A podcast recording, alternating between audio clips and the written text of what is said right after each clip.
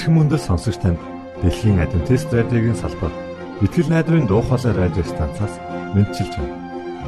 Сонсогч танд хүргэх маань нэвтрүүлэг өдөр бүр Улаанбаатарын цагаар 19 цаг 30 минутаас 20 цагийн хооронд 17730 кГц үйлсэлээр 16 метрийн долгионоор цацагдж байна.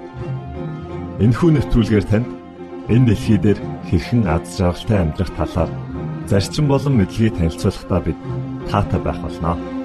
Таныг амарч байх үед аль эсвэл ажиллаа хийж байх зур би тантай хамт байх болноо.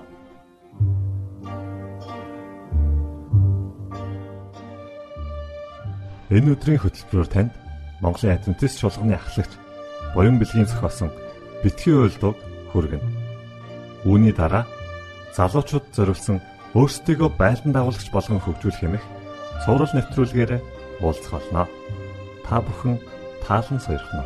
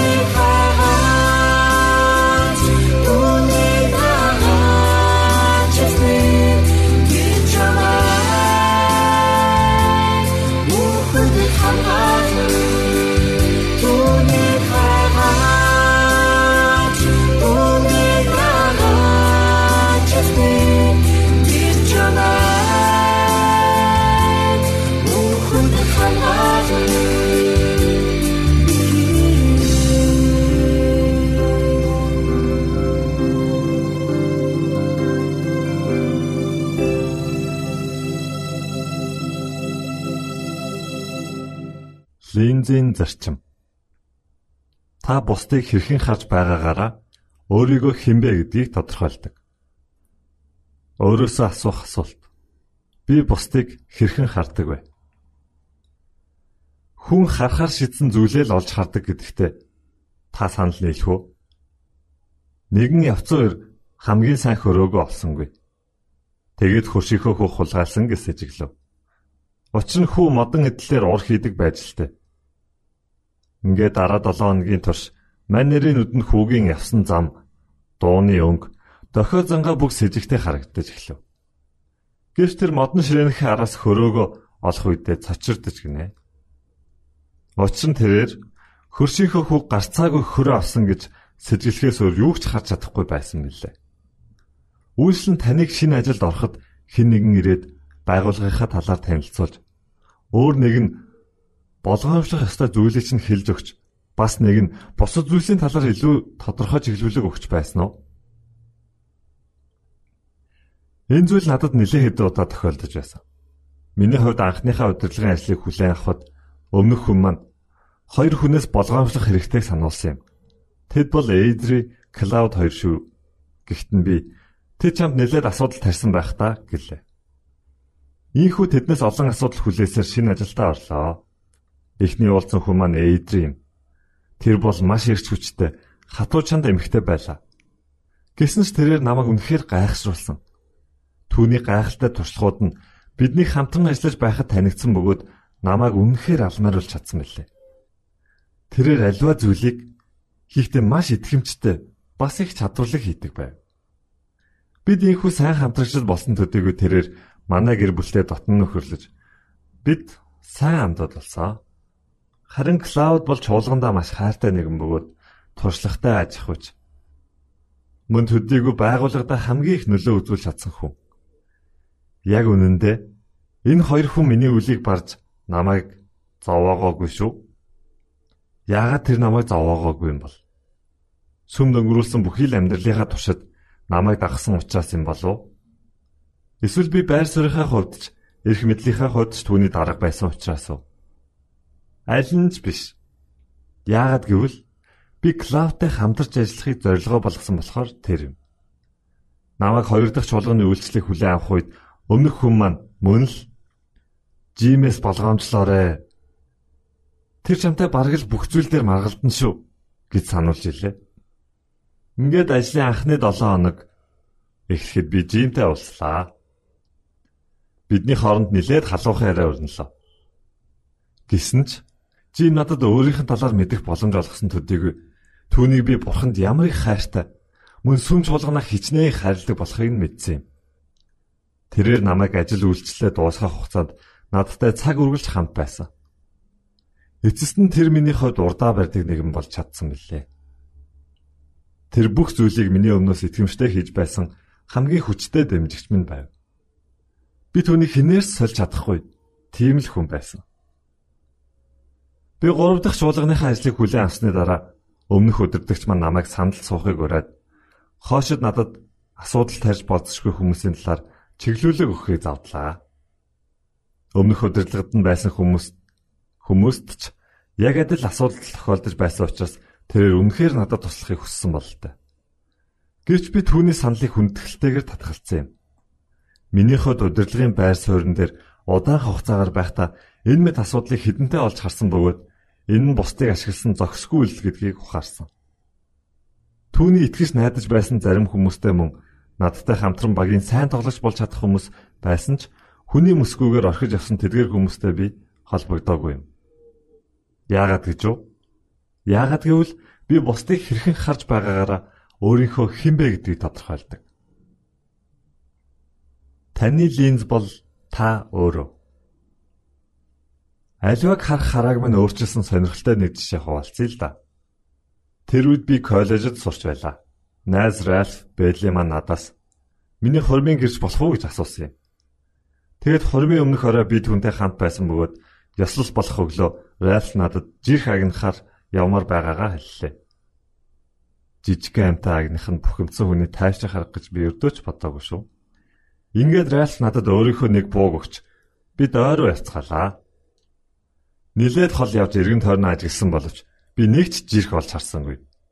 Жирх хаан байна вэ гэж түрүүнс хойш асуухыг хүсэж байсан асуултаа ийш тийш гიშгэлэн чимээ гаргангаа асуулаа. Гэтэл хэсэг хугацаанд Ральф амнэ. Жон, чи энд үлд. Харин би тийшээ явлаа. Гэхэн тэр. Ральф яваад 2 минут ч болоогүй байхад би пүм пүм гэсэн чимээ сонсов. Гэсэн ч би ямар нэгэн жирх болж хараагүй тул сууж амарлаа. Тэгээд авчирсан номоод илгээд уншихын тэр. Тэрхэн хоронд би дахин буун дуу гарахыг сонсоод хачирхалтай санагдаж тэр юу бодоод байгаа юм бол гэж гайхсарч эхлэв. Хэдэн минутын дараа Ральф сажилсаар ирэв. Миний хувьд ямар ч жирх болж хараагүй боловч найз юм нь уут түнтэй ч гэсэн байлаа. Тэгээд би бүх жирхнүүд чиний талд байсан болж байна уу? Яаж ийм зүйл болдог вэ? Гэтэл Ральф толгоогоо зэгсрэн чанга чанга нээхэн тэр. Тийм ээ, таны хэн бэ гэдэг чинь харж байгаагаар тань тодорхойлогдно. Та өөрийнхөө мөн чанарыг альваг харж буй хараанасаа огтхон салгаж чадахгүй. Таны бүх туршлага, таны бүрдүүлсэн өнгө төрх, таны харж байгаа бүх зүйлс үнэндээ таны хэн бэ гэдгийг бүхэлд нь тодорхойлдог гэсэн. Энэ бол таны линз шүү дээ. Миний хэлэх гэсэн санаа бол энэ юм. Таны хэн бэ гэдэг нь та юуг хэрхэн яаж харж байгаагаар тань мөн тодорхойлогдно. Нэгэн Колорайд хүн Техас нүүжрээд маш том цонхтой байшин барьжээ. Тэгээд үүндээ хэр зэрэг баяртай байгааг нь асуухад нэг л асуудал байна. Даанч юу ч харагддаггүй гэж гин. Хэдэн зуун милийн цаанаас ч цэлээс удам тал харагдаг гэжээ. Гэтэл бас нэгэн хүн Техас нүүжрээд мөн л асар том цонхтой байшин барьжээ. Тэгээд үүндээ хэр зэрэг сэтгэл хангалуун байгааг асуудал нэг л асуудал байна. Зөвхөн уус ширтгэс өөр юу ч харж чадахгүй байна гэж хариулжээ. Энэ хүү түүх жаахан хэтрүүлэгтэй юм шиг байвч үндэ бодит амьдрал дээр ийм зүйл нэлээдгүй тохиолдог. Үнэндээ таны хинбэ гэдэг нь та юуг хэрхэн яаж харж байгаагаар тодорхойлогддог. Яг адилхан эд хогшлоо нэг л өрөөнд сууж байгаа хүмүүс тэнд байгаа зүйлсийг өөр өөрөөр л дүгндэг. Миний эхнэр Маргарет бид хоёрын хувьд ч мөн адил зүйлс тохиолдог. Тухайлбал бид үдэслэгт очтол эхнэр маань цэнхэр цамстай залуугийн талаар чи юу хэлэх вэ гэж асууна. Үндэ түүний юу яриад байгааг би сайн мэдэхгүй. Маргаретийн хувьд бол маш хэнцэр чамин зүйлийг илүү сонирхдаг. Харин би бол тийм биш. Хүмүүс ямар хувцас өмссөн байгаа надад сонирн биш. Харин тэд хувцастай байгаа л миний хувьд чухал. Тэгэхээр эрэгтэйч бай, эмэгтэйч бай. Хүмүүр л өөрийн гэсэн хандлагатай байдаг. Тийм бөгөөд альвааг өөрийн өнгөөр харж байдаг. Тиймээс эргэн тойронд байгаа зүйлс бус. Харин тэдгэрийг хэрхэн харж байгаа нь л биднийг тодорхойлдог учраас бидний дотоод хандлага маань хамгийн чухал юм шүү. Таны хэн бэ гэдэг чинь бусдыг хэрхэн харж байгаагаар тань тодорхойлогддог. Томоохон хотоос ирсэн нэгэн аянчин зам дээр сууж байгаа өгнөөс энэ хотын иргэд ямар шухан хүмүүс вэ гэж асуутал өвгөн харин чи өөрөө чухам ямар шухан хотоос ирсэн бэ гэж хариу асуужээ. Аянчин үнэхээр аимшигтай. Ёстой шудраг бус хууль ёсна гэж завхарсан гэж хариулв. Тэгтэл өвгөн хөөх чи тэгвэл яг адилхан хүмүүсийг төвггүйхэн олох юм байна гэж хэлжээ. Тэгтэл эхний аянчиг дөнгөж өнгөрөөд явтал дараагийн хүн ирээд мөн өөх л асуултыг өгнөөс асуухад өвгөн мөн л аянчиг чухам ямар шуухан хотоос ирснийг нь лавлжээ. Харин аянчин тэд үнэхээр сайхан хүмүүс, шодрог, ажилсаг хичээнгүй. Өршөөл өнөрлөөр дүүрэн хүмүүс. Би тэднийг оргисондоо үнэхээр харамсаж байна. Гэхдээ нөгөн тэр ч тийм шүү Чи эдгэр хүмүүсийг эндээс олондоо олно гэжээ. Бусдыг хэрхэн харж байгаа нь миний жинхэнэ тусгал гэдгийг хүн анзаардаггүй. Хэрвээ би итгэмжтэй хүн бол бусдыг ч мөн шудраг итгэмжтэй гэж харна. Хэрвээ би шүүмжлэгдэх хүн бол бусдыг шүүмжлээл харна. Хэрвээ би халамжлагч хүн бол бусдыг өршөөл инэрлээл харна. Тэгэхээр гаднах байдлыг ажиглан харангуйта таны тухай бүгдийг мэдэж авлаа гэж хинч танд хэлж чадахгүй. Харин та бусдын тухай ярьж бусдтай харилцаж байхад таны хувийн чанар болон хинбэ гэдэг чинь илэрхийлэгдэж байдаг. Таны хинбэ гэдэг чинь амьдралыг хэрхэн харж байгаагаар нь тодорхойлогдно. Хойсны нэгэн түүх өгүүлээ л да. өвөө нь буудан дээрээ унтаж байхыг хараад ач хүүхдүүд нь түүнийг жаахан цаашлуулж наадгаар шийджээ. Тэд хөрөгчөө онгойлгож нэлээд хурц үнэртэй Лимбургерийн бислэгнаас жаахныг аван сэмхэн дөхөж очоод өөхөө сахалтан түрхчихжээ. Тинхүү булан тойроод нуугдаа чухам юу болохыг сонирхон хүлээ. Хэсэг хугацааны дараа өвгний хамар татвалцаж эхэллээ. Тэгснээр толгоос ихсэн босож ирээд бөөдөн дээр цэг суун эргэн тойрноо шинцэнэ. Хаа нэгтээс өмхөрсөн өнөр өнөртэй байна да гэлээ. Тэгтэл босож хөлөө чирэн явсаар галзууны өрөөнд орж нилээд гүн өнөрцнэ.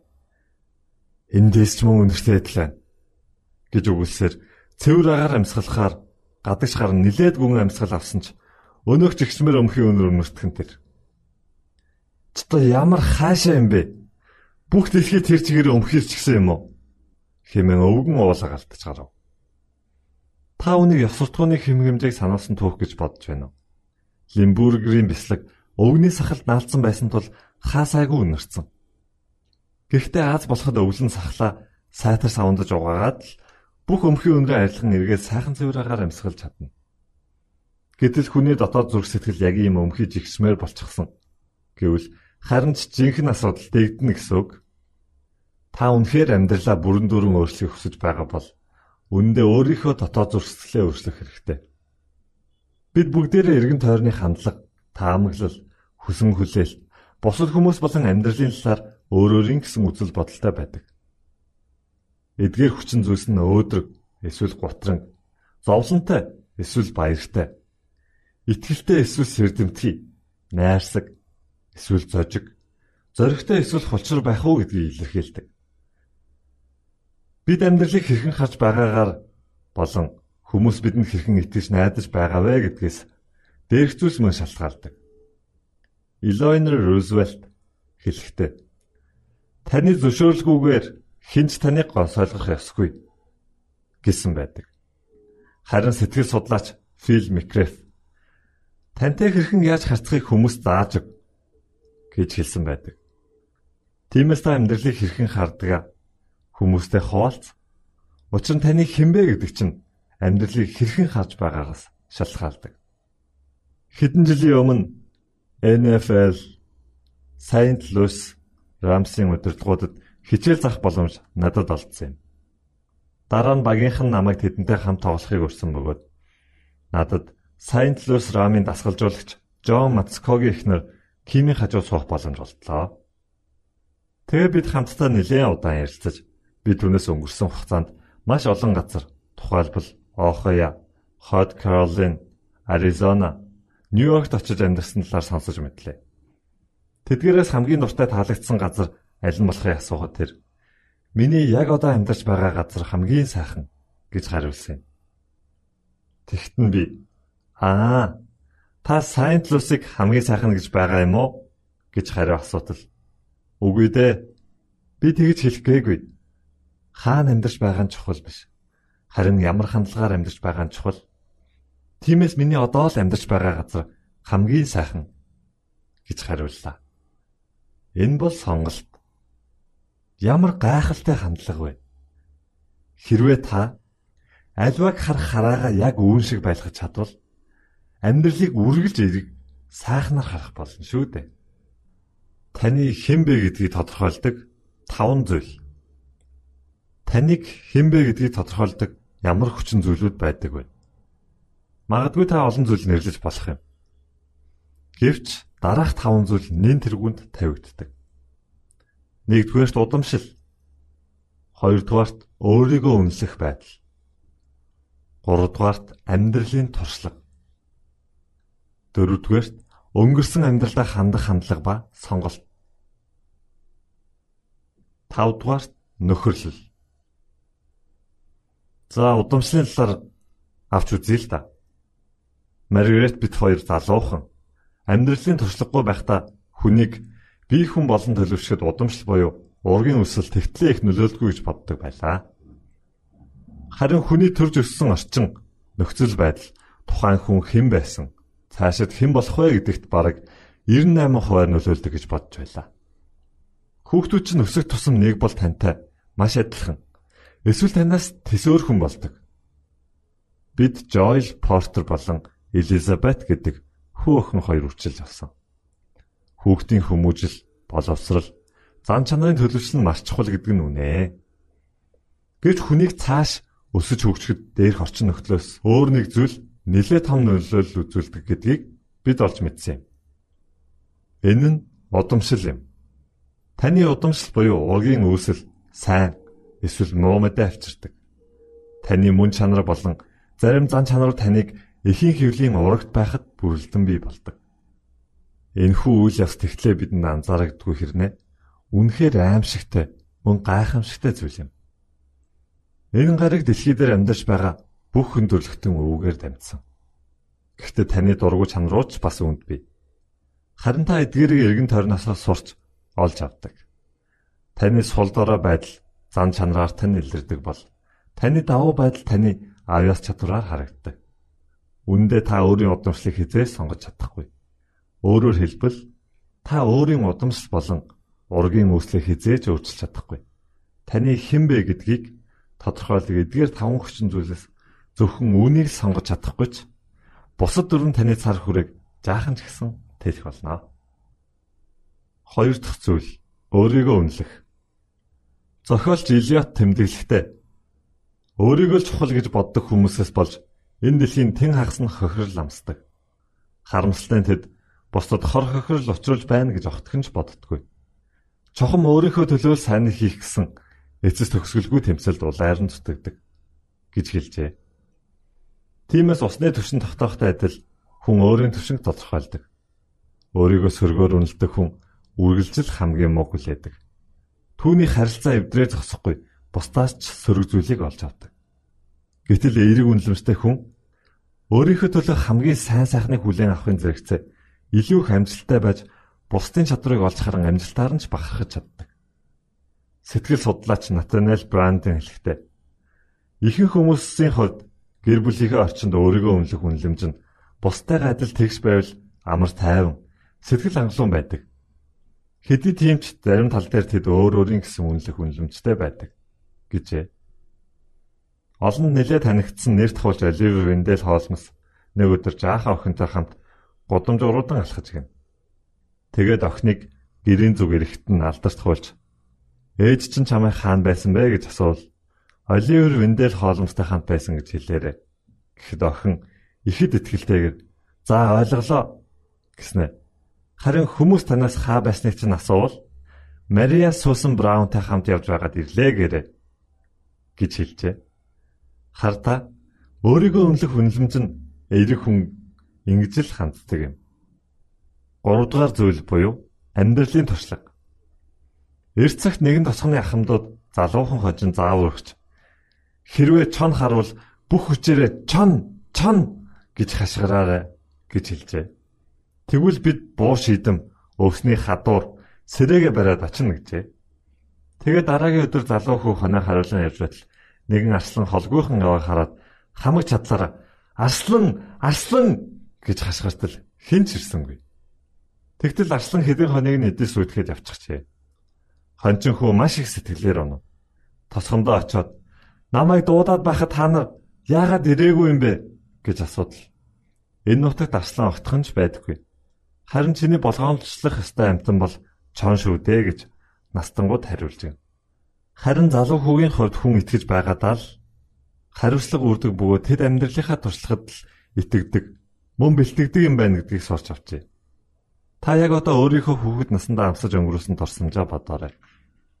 Таны туулж өнгөрүүлсэн амьдрал хүүхэд насны дурсамжууд таны хэмбэ гэдгийг илэрхийлнэ.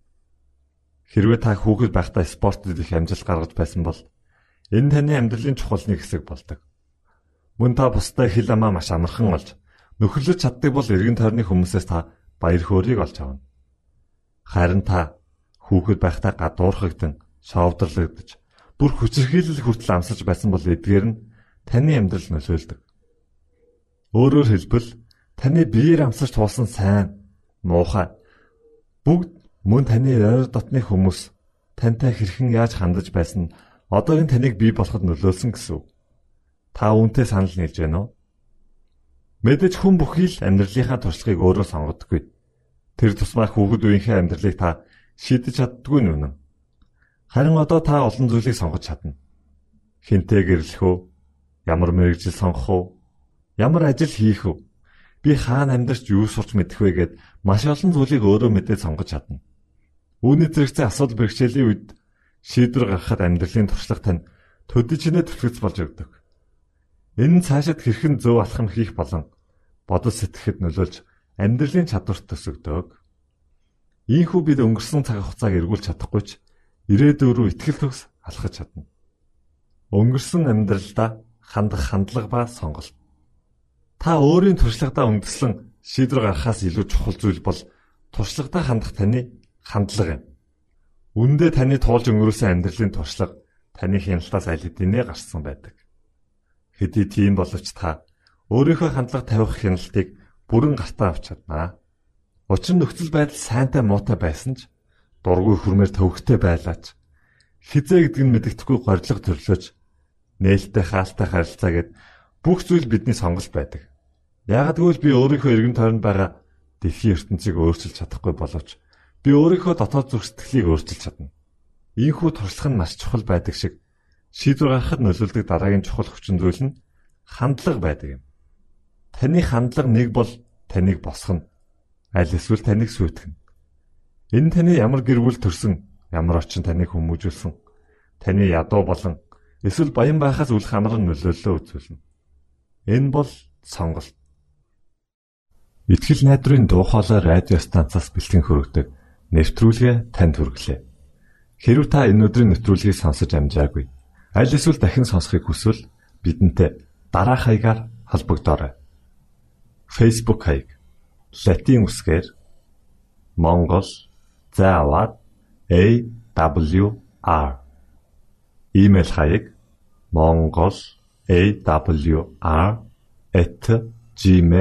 mongol@gmail.com Манай утасны дугаар 976 7018 24 9 Шуудангийн хаяцаг 16 Улаанбаатар 13 Монгол улс Биднийг сонгон цаг зав аваад зориулсан танд баярлалаа.